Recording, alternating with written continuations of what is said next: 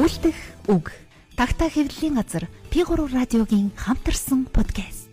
Та манай подкастыг Тагтаа цэгийн сайт P3 радио FM 119 долгионоор хүлээн авч сонсоорой. Үлдэх үг подкаст.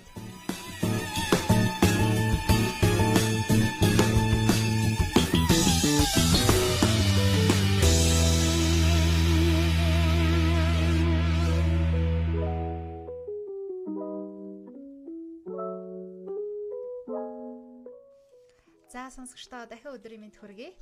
А Үлдэх үг подкастын ээлжид дугаар та бүхэндээ хүрч байна. Тэгэхээр өнөөдөр студид Тагтаа хэвлэлийн газрын орчуулагч редактор за зохиолч Яруу наригч Мөнх цолын Батбаяр хүрэлцэн ирсэн байна. Өдрийн мэнд хүргэе. Уран бүтээл өндрөө. Уран бүтээл өндрөө. За бид хэд чинь одоо подкаста 14 хоногт нэг удаа шинээр хийж байгаа тийм ээ. Тэгээд сүүлийн манай подкаст бол баясгалан ихчийн радио тэмдэглэлээр арай өөр хэлбэрээр хэлсэн. За тэгээ энэ одоо формат бас нэг хэсэгтээ үргэлжлэх байх. Тэгээ энэ удаад бол чиний ээлж явах шиг байна. Аа Европ явсан тэмдэглэл унших байх тийм ээ. Тий. Одоо би нэг сарын өмнө яваад ирсэн. Тэгээ тэр нэг ирээд зуны дугаартаа зориулаад нэг 6 7 цуврал аян замын тэмдэглэл бичлээ. Тэрнийхээ эхнийхийг эхний хэсгийг нь уншиж бодоод бэлдээд ингээд аваад ирсэн байна. Тэгээд ямар хэрэг зоргоор яваад ирвэ юу? Аа тэр болохоор Монгол гэргээд нийгэмлэг байд юм байна Швейцарт байгаа монголчуудын ер нь үүсгэсэн. Швейцар төвтэй гэж болохоор тийм. Вазлот төвтэй тийм нийгэмлэг. Аа тэр нийгэмлэг болохоор жилд нэг уран бүтээлчийг ураад бүх одоо зардал мөнгө бүх юм ингээд дагаад ураад хөтөлбөр маягийн юм да. Хагас сарын хөтөлбөр. Тэгээд тэр хавар Европын орнуудаар аялуулад хүмүүстэй уулзуулад тэгээд тэдний хотод дээр жишээ одоо би жишээ нь Францд Фрест очил Фрест элчин дээр Фрестх монголчуудтай ингээл уулзж явах жишээтэй. Женевт очил Женевийн элчин дээр Женевийн зохиогч уншигчийн уулзалт хийдэг юм байна шүү дээ. Монголчуудтай ингээл уулзж явах жишээтэй. Тэгээ тийм маягийн уулзалтууд зохион байгуулад тэгээ бас жуурна хилуулад тэгээ сайхан жаргаж хахад. За за за. Тэгээд өмнө нь болохоор энэ нөгөө ингэн үлэмсээ гэдэг бямд найруулагч явж исэн. Тэгээд арталт нь нэг гэрэл зурагчин хүн. Яс тэгээ гурав дахь нь үгийн урлагаас уран зохиолоо. Тим залуу уран бүтээлчтэй. Аав ээ гэж ярилцаа сонгосон юм билээ. Тэгээд явж ирсэн. За сайхан яваад иржээ. Тэгээд аяны богцын сэн сайхнаас сонсъё доо. За тэгээ. За тэмдэглэл номер 1 боловсролын тухай бодол. Чингис хаан олон улсын нисэх буудлаас өглөө 9 цаг 40-д хөөрсөн онгоц 9 цаг 20 минутын турш нисэж 4138 майл туулаад өдрийн 13 цагт Франкфуртд буух үе энэ хотод ирээдүгээс зочлон ирлээ гэж өөрийгөө хөөргөн бодож болмоор санагдана. Эсвэл цаг хугацааны урсгал сөрж ниссээр даруй 6 цаг мунжиж чадлаа гэж омойтд суухч зугаатай. Гэхдээ эрэхтэй хончсон 6 цагаа буцахтаа буцаага тушаадаг гинэм. Цаг хугацаа өгсөн бүхнээ буцааж авдаг гэдг нь энэ үү. Буцахгүй бүр цаашаа явж бүр их цаг хугацаа сожоод амин хувьдаа завшигч боломж бий гэж нойлоглон бодож суух бай бас ч зугаатай. Хүний 6 цагийн хонжоог зорчигчдын тоонд үржүүлбэл хідэн өдрөөр хэмжигдэх цаг хугацааны унац гарan гэд бодохоор бид нар бас ч гэж ол зомогтой явж ирсэн шигэ. Тосхоор тогтсон найз минь хідэн хором хоцорсны тул би инхүү өөрт хэрэггүй, бусдад тусгүй элдвийн бодлоор сэтгэлээ аадуул суугаан энэ блэ. Буусан даруйд хаашлал хэрэгвэл нүдэн тусаж ясан нутаг нэгтнүүд маань нүд ирмэх зурханд бараа туруугүй болох нь илбэн. Хүлээх танхимдах хүмүүс туж сэлгэгдэн нэг харсан хүнээ эргээд харахтал байхгүй өөр царай өгтөн. Хинэн ирж, хинэн буцаж, хинэн үдэж хин нь тосноо үл мэдэгдэн. Хүн бүр өтгсийг үдэж нэлхсээг өгтөн. Мянга мянган жил өчүүхэнж чөлөө завгүй гэж бичгийн их хүмүүн нацагдорж бичсэнсэн. Хүлээх танхим гэдэг хүний ертөнцийн адил хүний урсгал татардаггүй газар. Энэ герман орн бол бас их хүмүүний амьдрал уран бүтээлтээс ашиггүй холбоотой улс. тул эрүүт нацагдорж дурсагдхан учиртай. Берлин, Лайпциг хотууд нацагдорж пагамтайгаа 1926 оноос 1929 оны хооронд аж төрж эрдэм суралцахын сацуу зохиол бүтээлээ турвж өрнийн уран зохиолтой эхлээр нь танилцж Лайпцигийн Хэниш профессорт шадрал нь Монгол судлалын ажил туслан суужээ. Марко Пологийн тэмдэглэлийг герман хэлний их хааны ордонд нэртэйгээр орчуулж хэвлүүлсэнийг их зохиолч нацагдорж монгол хэлний орчуулсан гар бичмэл манай төв номын санд буй хэдэн жилийн өмнө олж үзснээ ботхоор 30-аадхан насч гунигтай амьдрал туулсан энэ нэрийн амьдрал уран бүтээлийн чухал эргэлтийн цэг яах аргагүй нь герман газар мөн байжээ гэж мохорлоо. Хагас сая гаруй хүн амтаа эсхий хотоос шин тогтон байгуулагдаад буй Вэмерийн бүгд наримдах улсын Берлин хотод очисон түнд юм бүхэн шин сонихон сэтгэлийн мичингэн тонголзуулсан байсан бизээ. Байсан гэдэг түүний бүтээлүүдээс ч анзаарагддаг. Үүнийг үл нуршин цааш өгүүлэх нь. Монгол Ардын Хувьсгалт намын 2 дугаар их хурал 1923 оны 8 сарын 8-ны өдөр хуралдаанаар баталсан эдийн засгийн бодлого хэмээх баримт бичгийн 18 дугаар зүйлд Ер сургуулийн учраас үүнээс дээш тооцсон олон зүйлүүдийн бүрэн бүтэн сайнаар ёсоор явуул суугаа хэмээхүүл ард түмэн даяар ерийн эрдэмт боловсрох хэрэгтэй. Урд идэвгүй альч цагт орон газар хаан ч атууга эрдмээр илүүн эрх биш тэргүүлдэг учиртайг дэлхий дээрх олон ус ухамсарлан мэдж эрдэмд боловсруулахыг засгийн бодлогын манлай болгожээ. Улс эрдэм мөхөс болбоос ажил үйлдвэрэн бүдүүлэг эд хөрөнгө ба сүр хүчин буурай хэрв эрдэм дэлгэрсэн болбоос элдв зүйлийн боловсон арга хэрэглэж эд хөрөнгө зузаан сүр хүчин их болно. Учир ийм тул эдийн засгийн үрд бат нот арвин зузаан болгоё химээвээс ард түмнийг ирэх биш ёрийн бичиг үсэг утга уянга ба тусгай ашиг тус бүхий эрдмүүдэд сургахыг урдл болгол зохино. Өдгөөгөөс яг 100 жилийн өмнөх бодлогын баримт бичигт инхүү тусгагдж төвний биелэл болсон анхны 35 сурагч Герман Францыг зоржээ. Дээрх бичиг дээрх баримт бичигт утга уянга ба тусгай ашиг тус бүхий эрдмүүдэд сургахыг урдл болгол зохин гэсэн хэсэгт утга уянга хэмээн тусгаалan дурдсан нь молих бичээж миний сэтгэлийг маш их хөдөлгөв. Эдүүгээ манай улсын бодлогоос орхигдчихсан урлаг уран зохиолын салбарыг тэр цагт нэн чухалчилж тэр ч утсаас бид дашчоржийн нацагдорж наваа юндэн донорвын намдагтай болж нацагдорж учиртай гурван толгоож үж хэвчиж намдаг найруулж наваа юндангой ундан тоглосон биз. Тийм ч учраас манай орны уран зохиол цаг төрийн үүмэн арманаар хераны хонхорт ээдрэж үжгээр нацагдоржийн олон арван орчуулга та бидний сайн мэдих дөрвөн цаг миний нутаг шүлэг бүтээлээр аривдж бидний сайн аа бүтээлээр аривдж Баатар Наваа юм дунган идэр жинчин өхөрчин хүү Баян Монгол дуунууд төрсөн бизээ. Дурдхад тоотооч манай үндэстний оюун санааны хөгжил дэвшилд оруулсан хов нэмэр гэдгийг жишимгүй болоод химжээлэмгүй. Эдүүгээ утан уянгатай холбоотой салбарын хүн гэвэл шоолуулах хэмжээнд хүрчээ. Яруу нарагч гэвэл алив намайг харж байгаад нэг шүлэг зохиогоотох үсээ ургуулахгүй яагаа вэ? Дээл өмсөөч, архиугаач гих маягтай. Найрын ширээний ард гараас авчин уйлагч хүлгээ дуудаж байх ёстой хүн гэж хүмүүс ч ойлгодог. Манай заримуд ч өөрснөө өөрсдийгөө тэн болгож яваа харагддаг. Улсын бодлого дэмжлэгээр утга зохиолын салбараас хүн заавал бэлтгэх чухлын сүүлийн сайн жишээ нь солийн гавьяа зүтгэлтэн аюурзан ах. Тэр хүний 85 сод турвал зэм буддизм, Монтаны сонгомол эсэ, Фолкнерийн өвгөд Борхесын хоёр хаан хоёр хонгол номууд бидний нүдийг нээсэн. Олон зохиолчийн нэрийг анхлан эдгээр номуудаас дуулж орчлон хорвоогийн тухай онхоор бодлоос эдгээр номоос үүдэлтэй урган гарсан байх гэж сандаг. За холын жишээ нь 1923-аас 1900 1926-аас 1929 онд Германд суралцуулсан нацаг дорж зэрэг юм да.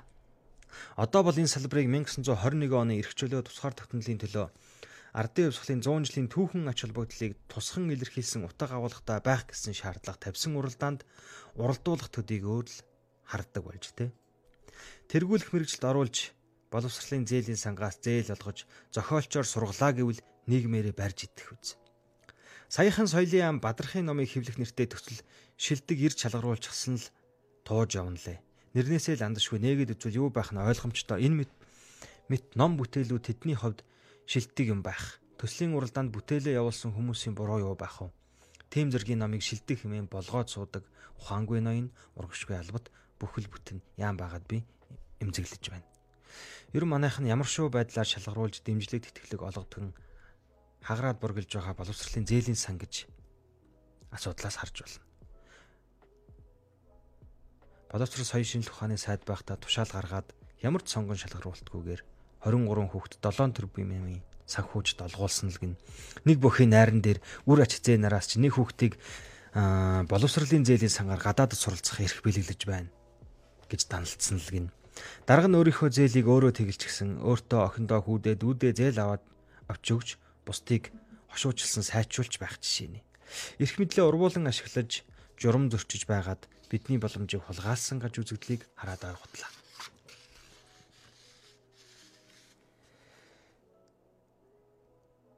Бакалаврын тэтгэлгийн 93%, магистрийн 86% журам зөрчиж олгосон гэж сонсоод ай гутарлаа. Өдгөөгөөс 100-ны өмнө монголчууд нохоо явган гахаан үцхэн үедээ Герман Франц руу анхлан илгээсэн 35 хүүхдийг сонгохдоо эрүүл мэнд, эрдэм мэдлэг, чадвар чансааг харгалзан шударгаар сонгосон байдаг.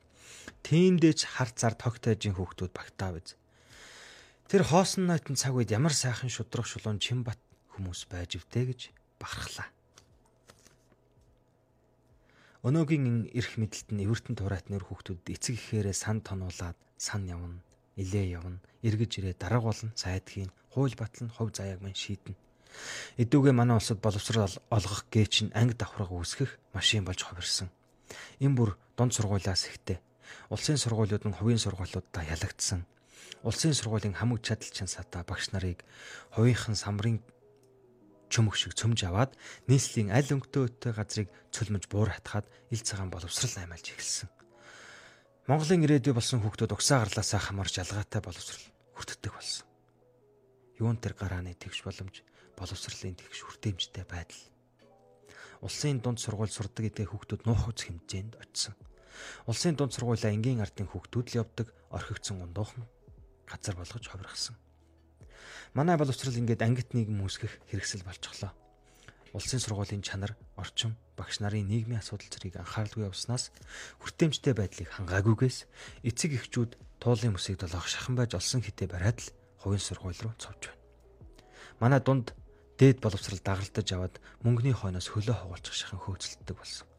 Угтаа боловсролыг мөнгөөр үнэлж байгаа чанартай боловсрал эзэмшүүлэх зорилготой ч манай чанаргүй боловсрлоор мөнгө хийдэг таг эсрэг зүгтээ явчихж.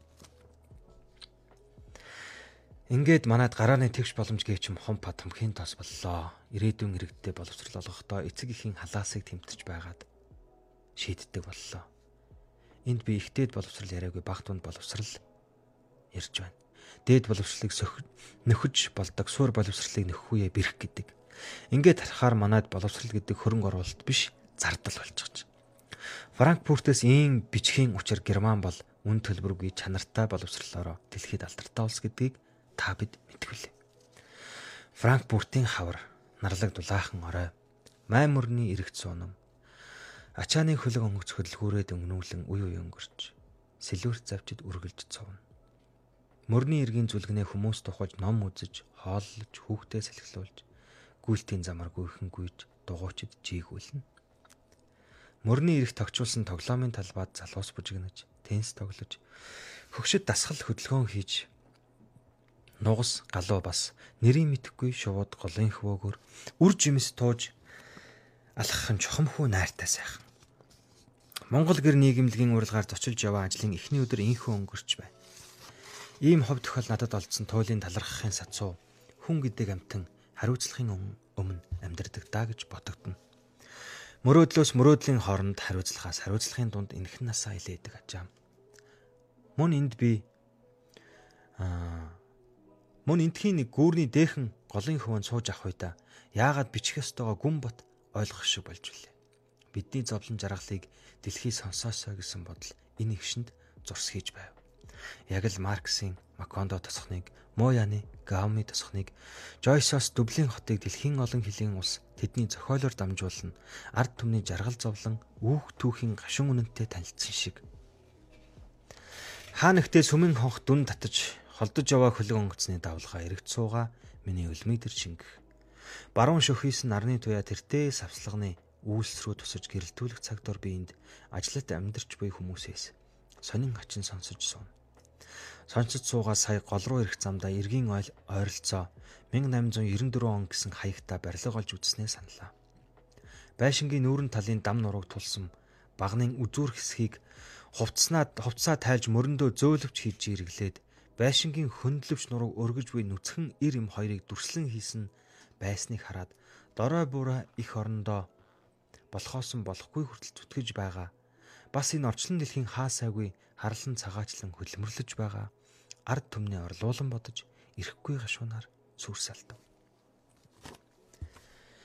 Энд сурч буй нэг охин надад нэг ийм түүх ярьсан юм анх аав ээжигээ ууган нэгчинхээ ихчигээ бараадуулж орхиод хашаа байшингийн зарж хаалттай дансанд байршуулах учиртай 11 мянган евротой болоод ийш ирж 11 мянган ийш ирж 11 мянган евро бол энэ жилийн хугацаанд түүний амжиргаанд зарцуулагдах мөнгө. 12 сардаа хуваагаад сар бүр 800 евро түүний дансанд орж ирсээр дараа жилдээ залгах учиртай. Эхний жил дуусахад ахаад өнөө хаалттай дансандаа 11 мянган еврогоо байршуулж сургалтын виз сонгогдож ахин нэг жил эндээ үлдэх эрхтэй болно. Чи дараагийн жилийнхийгээ тэгээд яаж болгосон юм бэ гэж намайг асуухад эхний жил байршуулсан мөнгнөөсөө сар бүр надад олгох 800 гар хөрөхгүй хойш хурааж байгаад л дараа жилэн буцаагаад хийчихдэг юм. Эцэг ихээ хэдий том охинонж гэлээ айлын хаяанд үлдээгээд гал голомтыг нь зараад ирсэн надад үүнээс хойш зарах гал голомт ч үлдээгүй шүү гэж өөртөө байн байн сануулдаг байлаа. Утгагүй гуруулаа эргээд бүр гой хашаа байшинтай болно гэхэд хөөрхийн ичийн заа тэр яах вэ миний охил болж байвал гэд нулимсаа харчж байсан гэд тэр зангирлаа. Сарын амжиргааны зардал болох 800 еврото ам хөрөх ирэхгүй. Хойно хичээлийнхээ хажуугаар ажиллах, ажиллах ажиллахдаа бүр хоёр ажил зэрэг хийдэг тухайга асрагт цэвэрлэгч дэлгүүр буудал кофе шоп гэд очаагүй газар байхгүй гэдгээ ч өчөв. 11 мянган еврогоо үрээгүй яваа болохоор манай гол голомт байсаар байгаа шүү дээ. Монголд амьдрах байсан ашаа байшиндаа би энд амьдарч явна гэж бодохоор тайтгардаг гэж бас хуучлаа. Яагаад гэвэл намайг энд байх эрхийг олгож байгаа зүйл бол манай хашаа байшингийн энэ мөнгө. Хашаа байшингаа зараад олсон мөнгө гэдэг хашаа байшин мөн бидтэй гэж тэр надаас асуув. Би бушуухан мөн байлгүй яах вэ? Мөнгөний нэг сонин чанар чинь наа чин шүү дээ. Гэхэд тэр том өвчтэй л жаахан санаа зовдөг. Хэдий том охинч гэлээ тусдаа амьдралтаа тусдаа асуудал жаргал зовлонтой гэр бүл үр хүүхэдтэй хүн шүү дээ. Тэр асуудал дээр аав ээж хоёрыг нэмж амьдрах хариугтай л байгаа бах. Надад ямар хэлэгч биш. Гэхдээ байна шүү юм гэдгийг хоржоонтой. Би нас өндөр хүний гарт орох шахсан эцэг ихээ орхиж явж хаад энд ирээд өөр хүний аав ээжийг асардаг гэд боддоо. Таажинтай байгаа үз. Гэтэл энд хүүхдүүд нэг хотод амьдардаг атлаа ирдэггүй. Эцэг ихэн байшингийнхаа мухрын нэг өрөөнд ганц орон дээр л ганцаардж хөвтөд насыг бардаг. Манай хэд тэнд хоёр өрөөндөө багтахгүй. Энд нэгний оолж уулзахгүй хачин амьдардаг. Аа бачгаар. Манай хэд тэнд хоёр өрөөндөө багтахгүй. Энд харин нэгний оолж уулзахгүй хачин шүү. Сардаа нэг ир цугтаа хоол идснийг эцэг ихээ асар тойллоо гэж ойлгодог улс шиг байгаа юм. Би чамд нэг жишээ хэлэх үү. Миний хариуцдаг байсныг эмэгний бие муудаад. Аа за. Ер нь чадваргүй, найдваргүй болоод л намайг охин руу нуцтгсан болов. Тэгээ залгаад дуулгасан. Би аялал төлөвлөсөн байгаа цусалж чадахгүй гэдэг юм да. Арай л сонин уу. Тэгээд тэр имээ яасан өнгөрсөн үү? Өнгөрсөн. Энд бас гэхдээ орон гэр эд тогшлыг цэгцэлж янзлах үйлчлэгээ хийдэг, орчуулга хийдэг тусдаа газрууд байдаг болохоор араа ажилт нь ч манайхан шиг утгалдахгүй. Бид нар чин хөрсөн хөлдөн халуун хуушураар жин тавьж байгаад л үддэг үсттэй. Энд тийм юм байхгүй. Өв залгамжлах гэрээ энэ тэр гэж лэрнүү гэхээс бүх герман хүмүүс тийм гэж юу? Бүүмэд надтай таарсан лав энэ гэж хэлээ. Тэр наран жаргах дорн зүг рүү нүдээ сүүмийлгэн дуугүй ширтгэн уул усыг давуулан нутаг ус аав ээжээ олж харах гэж хичээж байх шиг санагдав. Надад энэхэн үед герман сурсан философч гэгдэх нэг нөхөр яагаад монголчуудыг нэгнээсээ хитрхи хамааралтай байна. Ээж чинь дуудвал завгүй байна, дараа болъё гэж байна. Ээж нь ч бас ирээд хүүхд хараад үг гэвэл чадахгүй би амармаар байна гэд хэлчихдэг бай гэсэн утгатай зүйл ухуулаад байсныг ойлголоо. Нэгнээсээ хамааралгүй байх асрах үйлчлэгээ асрамжийн газар энэ тэрэ тимч дурлаад баймаар ид. Ер биш юм шиг санагдав. Дэлхийн 1 2 дугаар дайны уршихаар бүтсэн эд дайны урхгаар харж хандах хөнгүй болсон улсыг асарч сувилж яваад л үүсчихсэн зүйл гэж би ойлголоо. Түүнээс хүн төрлөختөн үүсгэсээ эцэг хэхүний гар дээр орхиод арилаад өгдөг бас байгаагүй байлт. Эднүс яхав эргээд мань мэтчиг болчих гээд чадахгүй л яваа улс гэж тэр хэлв. Манайх гэр бүлийн соёлоор нэлхсыг тэтгэж өтгсөө асарна. Хөл очих охин авс мөрлөх хүүтэдээ баярлна. Аав ээжийнхээ толгойг төссөндөө бахархаж буйн нэрэнгэж сүсэлдэг ард түмэн хашаа байшингаа зараад хүүхдээ сургуульд явуулдаг тийм аав ээжийн үрсэд. Энэ тийм урайлмар сайхан зүйл биш ч улсын сангийн журам зөрчиж мөнгө тоноод үр хүүхдээ сургаснаас л лавтай ариун хүлтэл. Магдгүй юм бид нарын сэтгэлд байгаа хамгийн эрхэм нандин чанар байж мэдэх юм. Магдгүй ин германаас болохгүй зүрх сэтгэлийн боловсрал байж болох юм. За. Сайхан тэмдэглэл байна. Тэгээд За баярлалаа. Франкфурт дөнгөжл би бас хөл тавьсан юм шиг бодоод яг тэндээ гацчлаа. Тэгээд аа надад болохоор одоо юу юм даа гэж бодлоо нөгөө боломж байгаа газар нь хүсэл байхгүй хүсэл байгаа газар нь боломж нь байхгүй боломж хүсэл хоёр нь давхцахгүй тийм нөхцөл байдал байна да. Нөгөө дээгүр нэрээ манай монголчууд чи ямар гоё гэр бүлсэг хүмүүс юм бэ тий. За харин яг би л тэгж бодсон. Тэгээд бас буруувч бодсон байж магадгүй, дутуу болцсон байж магадгүй. Би германд удаан амьдаргүй зүгээр очил төрсөн сэтгэлтэй л үтж байгаа шүү дээ. Яг би нэг асарч хийдэг. Тэнд одоо ер нь очиод ажил хийж байгаа хүмүүс чинь эхэлдэг ажил ерөөхдөө л тийм асарч ажил байхгүй. Асарч ажлаас эхлээл хэл ус гайг болол өөр ажил руу явдаг. Тэгээд тэнд тийм ажил эрхэлж байгаа монгол хүмүүстэй уулзсан. Тэгэл ерэн сонсож байхдаа иймэрхүү юм сонсогдоо. Тэгээд аа манайх болохоор яг хуу яг нэг нэгнтэйг хамааралтай амьдрах жоохон төвхтөлт ингээл аав нараа ах нараа ингээд шаваралтай л хэцүү гэхдээ бас тийм хамааралгүй байх ч бас тийм дурлаад байх асуудал бас мөн үү гэсэн. Тийм хүн хоорондоо харилцаа байхгүй ч юм уу, итал би остой ч юм уу. Гэтэл яагаад бид нар нэг нэг тийм ээ харж чандаад асар тойлоод ингээд байж болдгоо тийм ээ. Яг хоо хүмүүс ингээ хөгжлөн хитрхи сайн болохоор тэгдэм аль эсвэл эдийн засгийн тийм ээ эрх чөлөөнд гэх юм уу тодорхой хэмжээнд хүрчгээрээ магадгүй өөрийнхөө асрах мөнгийг тэр хүүхдэд төлөөд асуулж байгаа юм. Тэрийг би саахаагүй гэхдээ яг зүгээр ингээд миний төрсөн сэтгэлд бас бидний энэ байгаа юм бол тийм их тийм цугтаад аймаар юм бас биш ч юм уу гэсэн бодол төрөл. Би бас санал нэгтэй байна. Тэр э, Солонгост бас яг тийм байдгийн билээ шүү дээ. Одоо өөр хотод амьдарж байгаа ах トゥ хамаатан саднанд сөүлд ирэхээрээ ч гэдэг юм уу те хамаатны да буудгүй буудлаа аваад л ингээд явцдаг бараг уулздаг ч юм уу ч юм уу уцаар яриул их юм ч юм шиг. Тийм хүйтэн хөндөй байх нь ямар хэрэгтэй юм гэж. Гэтэл бид нар чинь өдөөнөөс ирсэн амтай ахтусээ бүр ундалж тайлцайлаад л өчнөө хоногоор хамтдаа байж байгаа. Тэлээ буцахт нь харагдангуул явуулдаг шүү дээ Тэгээ одоо нэгэндээ одоо төгөл болохгүй гэж байгаа юм да. Тий тэгээд Гэхдээ яхад нөгөө одоо нөгөө улс үндэстнүүдийн ялгаач гэдэг юм уу, юу ч гэдгийг ямар нэг юм байгаа л байх л та. А гэхдээ л тэгэн тэгтлээ нэгний нэгнийхээ өрнөөс унчхаад ч юм уу те зуллаа зуллаагаа гიშгэж төрчгөөд үгүй ядаж ямар нэг цус болон ясаар хэлхээ холбоотой болцоход заавал тийм хол амьдрах хэрэг юу гэдэг ингэж надад бас төрдгөл юм. Тий. Тэгэхээр энэ бидэрт байгаа нэг гэр бүлийн соёл гэх юм уу энэ зүйл бол бас манай нэг үнд зүйл байж бас магадгүй тийм ээ бид тэр хөдөө хөндий бас ингээ болчоогүй өгшин гут нас үрэнд аваачаад хайчих тийм хэмжээнд бас тийм зөрхтэй хүмүүс баг л ховш тийм ээ хажууд даавал явж байгаа л ингээл дуустдаг энэ бас бидэрт өнд зүйл байж магадгүй л гэж би зөвхөн бодсон. Тийм биш үү. Нөгөө тэгвэр бас эхэнд нь дэвшүүлсэн санаа.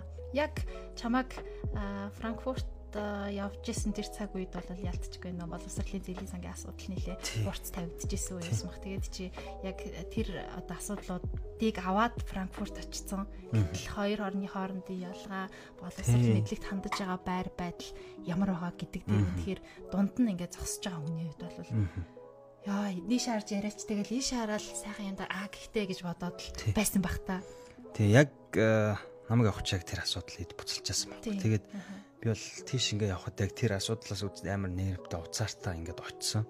Тэгээ би ч ямар орлоо ч гэхээр тийм үнгүү хямд чанартай боловсрлоороо тийм алтартаа бүр тийм жишг болсод очиж байгаа ш. Тэгээд энэ 26-нд энэ 35 хүүхдийг явуулах гэсэн манайх судалсан байдаг. Дэлхий дээр байгаа улсуудаас 10 хүн тутмын одоо бичиг үсгтээ бичиг үсэг тайлагдсан байдлаараа ямар орн ингээд тэргүүлэх вэ судалж үзээд тэгээд Япон энтриг ингээд өсөлж үзээ бүр хамгийн сайн 10-аас 10 бичиг үсэг мэддэг орн бол Герман байна. Тэгээд хүүхдүүдээ ингэж одоо явуулах нь ийшээ явуулах нь зөв юм аа гэд засгийн газрын тэтгэлгээрээ одоо анхны Европ руу сургаж байгаа. Германд, Францд тавьж. Тэгээд энд ингээд одоо жишээ нь энд явсан дүүрсэн гэж хүний дурсамж байдаг байхгүй. Би ингээд шалгаруултанд одоо чинь тэтгэлгийн шалгаруултанд ороод дээ. Одоо орол боловсролын зэлийн сангийн шалгаруултанд ороход Сүхбаатарын хөвгүн галсан. Тэгээ бас нэг тухай эрх мэдэлтэй хүний хүүхд бид гурав хамт орсон. Тэгээд эрүүл мэнд одоо эрдэм мэддэг тийм ээ. Энэ юмараа би шалгараад тэр хоёр үлдээд би сонгогдод ингэ явсан гэд. 100 жилийн өмнө бол ийм шудраг байсан байгаа байхгүй.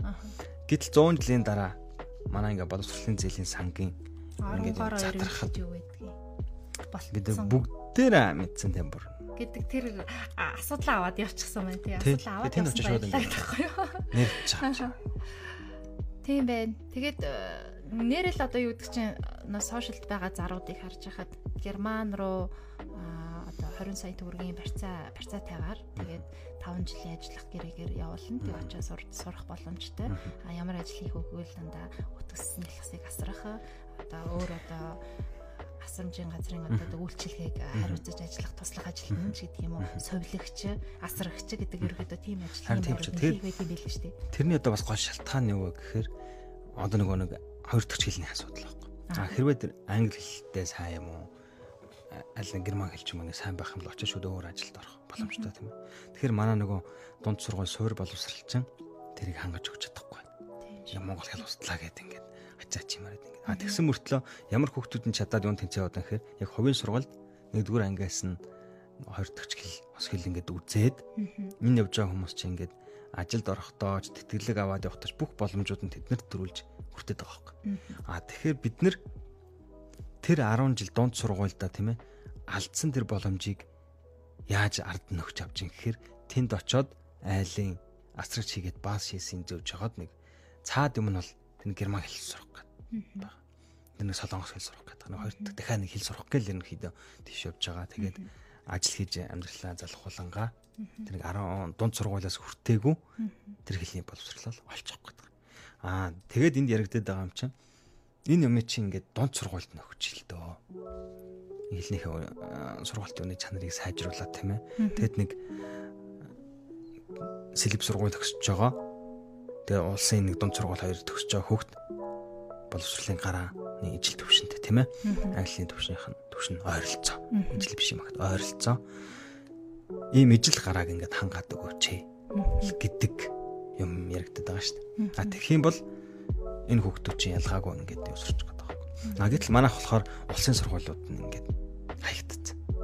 Одоо улсын сургууль сурдаг гэвэл шоолол. Төвшний хувьд ч бас хамаагүй хүүхдүүд хэлхээсээ баг хийчихнэ. Улсын сургууль сурдаг гэх юм одоо нэг суур хэрэгцээ гэх юм одоо тий суур хэрэгцээний юм зөрүү. Тэгээ тэнгуут яг тэр айлын хүүхдэд адилхан хүүхдэд ингээд боловсролтой болох эрдэмтдийг сургая гэхээр жилийн 20 сая 30 сая 40 сая төлж таарна. Тэгээ зүгээр ингээд дунд сургууль суур боловсрал олох гэж энэ чинь ингээд амар их зарлаг гаргаж байгаа юм. Тийм байна. А гэтэл бус сургуулиуд бол ингээд зүгээр тэр суур боловсрыг улсын сургуулийнхан тэр юм чадамж юу айгуу сайн. Тэгэл зүгээр л ингээд сурвал гарахтаа л өршөлтгүй төмрөд юм байдаг. Тэгэл иймэрхүү нэрвтэй явал тэнд очивол ясанд. Яг сая сүүлийн юун дээр ярьсан юм дээр чинь нэмээд асуухад яг энэний дараа нөгөө англи хэл заах заахгүй гэл асуудлууд манай Монгол гарч ирсэн шүү дээ тий. Тэгээ яг энэ үеэр би бас хэл шинжээж судлаачдтай ярилцах завшаан тохиолоо хэлний багш нартай ярилцаж үзлээ. За тэгээд бас э, хэл уран зохиолын хүмүүстэй бас ярилцах боломж нь ингээд олдож байна. Чиний байр суурь нь яг ямар байгаа бэ? Би бол бүр яг багаас нэгдүгээр ингээс заах гэдэг дээр байгаа. Энэ болохоор нэгдүгээр сайн минь ярьсан гарааны тэгш боломжийг нөхдөд бүрдүүлж өгнө. Тэгэд дэлхийн инхээс сурчаар тэр хувийн сургуулийн чинь төрүүлээд ингээд боломжууд дээр очоод очоод очоод яваад.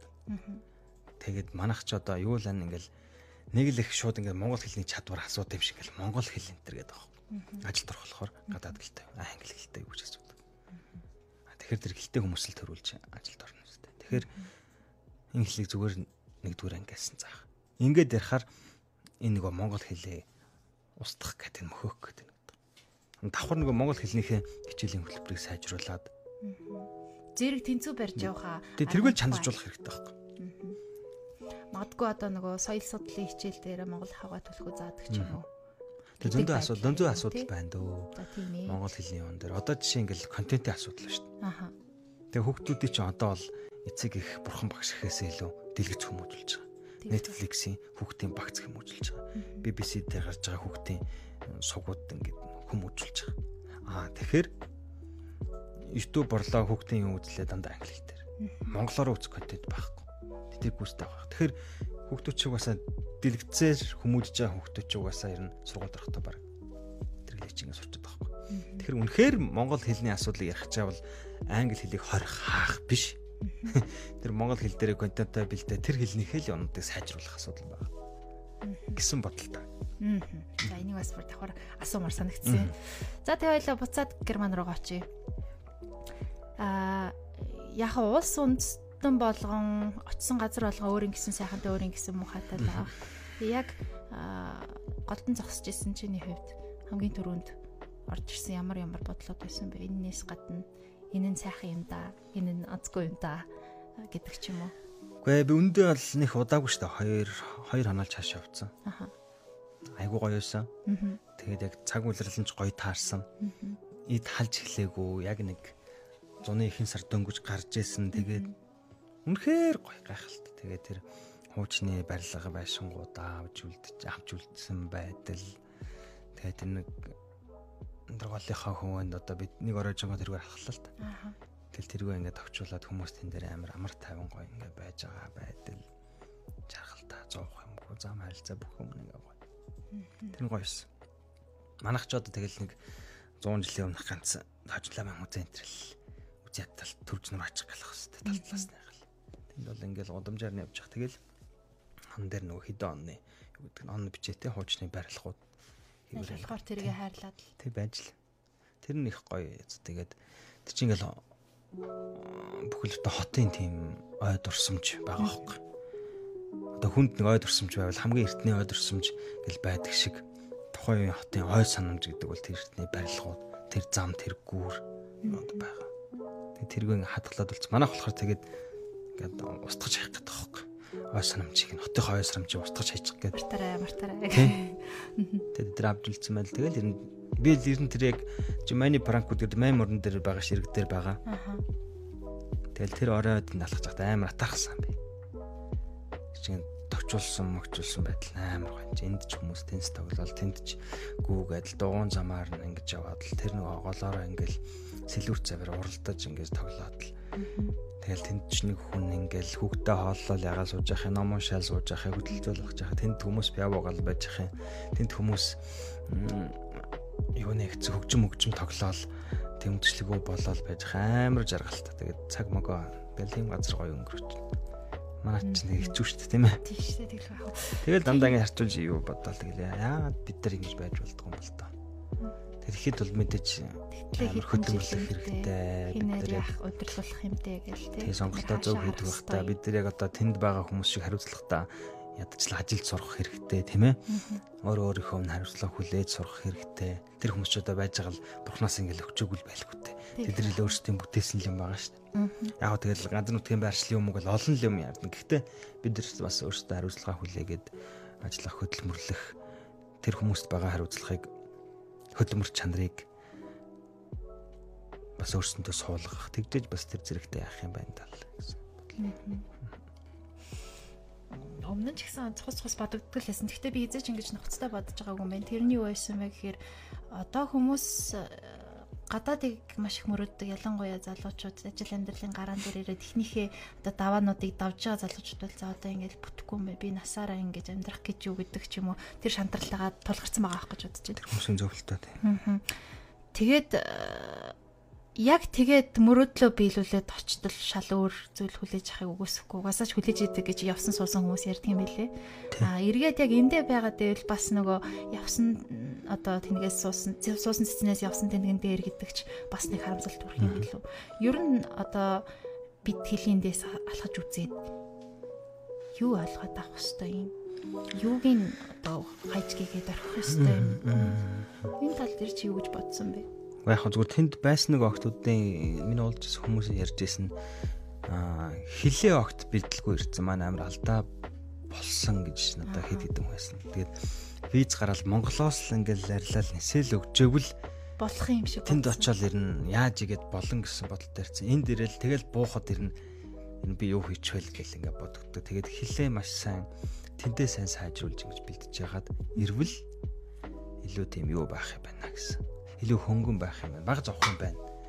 Тэгээ тэнд байхдаа айгуу сайн нэлээд нухах хэрэгтэй юм байна. гэдгийг над над баг амжилан хэлж ирсэн. Тэгэхээр яг тийш гадагшаа ингээ явах гэж байгаа хүмүүс байвал залуучууд бодож байгаа юм байвал нэлээд нухах. Тэгээд чиний асуулт асуулт болохоор Тэгвэл бид удаан юм уу байгааг учраас тэгээд тантай муутай юу байдаг үз. Яг нэг юм ажиллаа хийгээл цэлэнгэ аваад тэгэл амьдрах өөр юмд одоо санаа зовхгүй байх юм да. Энэ нэг зам одоо манайх чи ингээл явахаар чинь тэнд чи нэг зам ингээл хурцаа ингээл ингээл боржуур юм байхгүй болцсон ингээл төгчрцэн ингээл утаа ингээл юу төгтөө штт. Тэгэл автобусын чинь цагтаа ирэхгүй ч юм уу тийм ээ ингээд зүгээр ингээд амьдрэх гэхээр ингээд орчны стресс нийгмийн стресс амар ихтэй. Тэр асуудлуудаа шийдсэн төгжрлээ хийцэн утаагаа шийдсэн, юунуудаа шийдсэн тийм ээ мод бутаа ингээд тарьсан. Одоо тэнд явах гэхээр би ингээд ажиллаа хийгээл ингээд ирэл байж гин гэсэн. Надад болохоор аюу санагдсан бай гэхээр ингэж бодогдод байгаа байхгүй. А ялангуяа даама чиний саяны тэмдэглэлийг сонсоод гэх юм уу? А бид нар дурлаад явж болно Тэгээ тэндээ уусчихгүй хүн шиг яг ингээд энэ чи 2 хоногийн энэ л бодол штэ тий 2 хоногт л төрсэн чамд бодлохын ийм том том агуулгуудыг бодож амжиж байгаа байхгүй. Аль одоо магадгүй чи энд 2 сар байсан бол юу ч бодох юм. Ингээд харьцуулаад харьцуулаад явцсан. Яг нэг энэ харьцуулсан ойлголтыг олж авна гэдэг чи өөрөө нөгөө явах хэрэгтэй юм үзэж нүд тайлах хэрэгтэй гэдэг агуулга юм. Бусдаар бол тэндээ одоо амьдраад уусаад үрд тэмдүүлдээс үлдэх нь бол бас ямар ч байдгийг. Яа тэгхгүй би ерөөсөө зөвхөн эндээ гэдэг бас хандлага ямар ч байдгийг. Альва нэг юм авах. Тэр нь бол тэгэл хүний сонголттой хаана амьдрах нь тийм ээ. А гэхдээ зүгээр одоо миний зүгээр хармын сэтгэл төрж исэн тийм зүйл бол одоо тэнд очисон хүмүүс чинь үнэхээр гоё ирдэ мэдлэгтэй болсон юм хүмүүс байгаа байхгүй. Европ орнуудын одоо ангlis монгол хэл англи хэл нэгдсэн. Тэгээ герман хэл ч юм уу франц ч юм уу ингээд сураад ингээд ингэсэн. Тэгээд аа тэнд очисон одоо 90-ад онд анх очисон хүмүүс гэхээр одоо 20 туйн гарцсан. Тэр хүмүүс уугуул тэр нутагт гараад уугуул тэндээ хилээ сураад тэндээ их сургууль төгссөн монгол хүмүүс үе их байна. Үнэхээр харамны сэтгэл төрмөр үнэхээр мондөг мондөг боловсралтай хүмүүс таарж байгаа байхгүй. Бүр ингээд тасарсан заяа энэ сайхан толгоонуудыг болтвол Монголд анхийнсан гэсэн их тийм их харамсал их төрж ирсэн. Чи ингээл одоо жишээ нь миний тэр ингээл Швейцарт ингээл Швейцар ч өөрөө ингээл үндсэн дөрвөн хэлтэй орн байгаа байхгүй. Тэгэл нэмээд бас ингээл хэлцэн ингээл захын хүүхэд нь 94 хэлтэй л гэж бод одоо 20 тэнд төрсэн 20 тугийн монголчууд захын хүүхэд нь дөрвөн хэлтэй. Монгол талын 5 хэлтэй. Тэгээ тэнд хойлоороо аюугаараа ингээд дээд боловсралсан юм шүү дээ. Тэгэл Монгол хөгтөд ч тэгэл бодохоор тэднийг энд авчиж гоё ингээд бараг. Тэгэхээр мэдээж ирэхгүй л дээ тэнд цалин мөнгө нь юу лээ, боломж нь юу лээ, юунд яах вэ? Тэгэл би тэр хөгтөд тэр залуучуудтайгаа уулзаад их харамсаж илээ. Сайхан авчид эдрийнхээ толгойг ашиглах юмсан гэж бодчихлоо. Аа тэгэл надад ашиглах гэж ирж идэв. Хашаа шаалаа тойроод аялсан нь. Цаашаага Швейцар ороод. Швейцар ороод. Тэгээд бас очсон тийм. Тэнд байж байгаад Франц руу очоод. Аха. Тэр хаваараа явж байгаа дахиад Швейцарт Хідэн цуврал тэмдэглэл байгаа вэ? 6. 6 цуврал. А тагтаа сэтгүүлийн ревюгийн 100-ны дугаар энэ сард гарна тий. 7 сарын ихээр үлээ. 7 сар. 7 сарын ихээр. Энэ сар ч ингэ дуслаа шүү дээ. А теглээ тий. За за тэгэхээр чин одоо бид нар подкастаас өмнө сэтгүүлээсээ тэмдэглэлээ.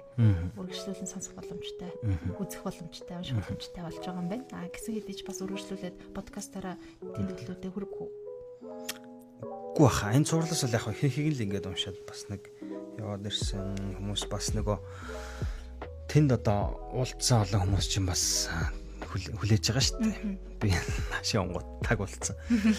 Тэгэхээр тэр хүмүүс бас ингэ сонсох хайгаад би бас юмнууд бичин гэжсэн юм да бичсэн тийм ээ. Тэгээ нэг хэсгийг нь уншаад тэгээд дээрээс нь зуны сэтгүүлд гарan гэдгээ бас энэгээр ингээ хэлнэ. Тэгээ бас сэтгүүлүүд явуулна. Аа за үргэлжлүүлээд уншигч уран бүтээлчдийн уулзалтын сонь сайхнаас Би бол чиний нөгөө одоо тэмдэглэл дээр л байгаа да. Тэр ярьж чаар тэмдэглэлээ уншиж байгаа. Ажиг дагдаг тэгээд гой гой зургууд харагдаад л байсан. Гайхалтай гайхалтай ёо. Мөрөөдөл бийсэн шүү дээ. Хүмүүс тэгээд ямар одоо цаг хугацаа орон зайнаас үл шалтгаалаад ямар сайн уншдаг юм бэ те таана хийний шинэ ном гарч Тэгээд одоо бидний энд нэг яриад байгаа ингээд подкаст хийгээд ингээд шүү дээ. Энд чи айгүй их тэнд хүрдэг юм байна заа. Оо тийм үү. Ингээд үргэлж ном аваад очихдаггүй ш. Тэгэл ажил хийж явахдаа ажилдаа алхаж явахдаа тараа явж явахдаа ингээд танаа юуг ингээ сонсоод ингээ явдгаа. Тэгээд энэ би бол та нарыг бол танараас илүү сайн мэднэ. Танаа чинь сайн уу, мэд чинь сайн уу яриад байгаа юм чи. Тэгээд та яаж мэддэг хэрэг танаа тэрийг сонсдог гэдэг ч юм уу. Тэгээд энэ ямаараа тийм яриа чи юм яриач тийм ээ. Номнуудаа ингээд уншиж өгч болдгоо уу? Ном унших зав гардггүй юм ажиллаа хийж байгаа. Сонсоо хор айгу амар байдгийг. Тэгээд тэнд байгаа хүмүүст бол илүү хүрдэг нь бол энэ юм байна. Тэгээд энийхээ ач хав ягч тэнд очиж очиж мэдрвөө. Мэдэрлээ шүү дээ. За за надад бас сонсгоо сайхан байна. Тийм ном унш яг номоор ингээд танилцаад уншсан хүмүүс бас байна. А ном нэх уншиж яаж ингээд амждаггүй. Тэгээ зөвхөн энийг сонсдог. Подкаст үлдэхүүгээр дамжуулаад та нарыг мэднэ гэсэн хүмүүс бас байна. Тэгээ тэр нь амар гоёсэн. Тэгээд энэ хийж байгаа маань бас нэг зохих хөстой очих хөстой хүндээ очиж байгаа юм байна да. Бас болж байгаа юм байна да гэсэн урам авсан. За ямар гоё юм бэ те. Надад бас гоё санагдлаа. За өнөөдөр чинь бид хоёр чинь аа Франкфуртын тэмдэглэлийн эхний хэсгийг хүлээ авч сонслоо. Тэгээд үргэлжлэлийг оройгос гэдэг шиг үргэлжлэлийг тагтаа ревью сэтгүүлээс та бүхэн маань уншаарай. Аа подкастын төрөй тойлоо өндөрлөх үү? За тэгье. За манайха үлдэхүү подкастын энэ дугаар өндөрлөж байна. Тэгээд эх дугаарыг бол 7 сарын одоо наадмын амралтын сүүлийн өдөр 5 дахь өдөр бид нар хүргэх болно те. Тэг үргэлжлүүлээд бас гоё тэмдэглэлүүдийг та бүхэндээ үргэлжлүүлэн хүргэнэ. Цамд хэлэх үг байна уу? Сайхан надаар гэж. За сайхан надаарай. За баяртай.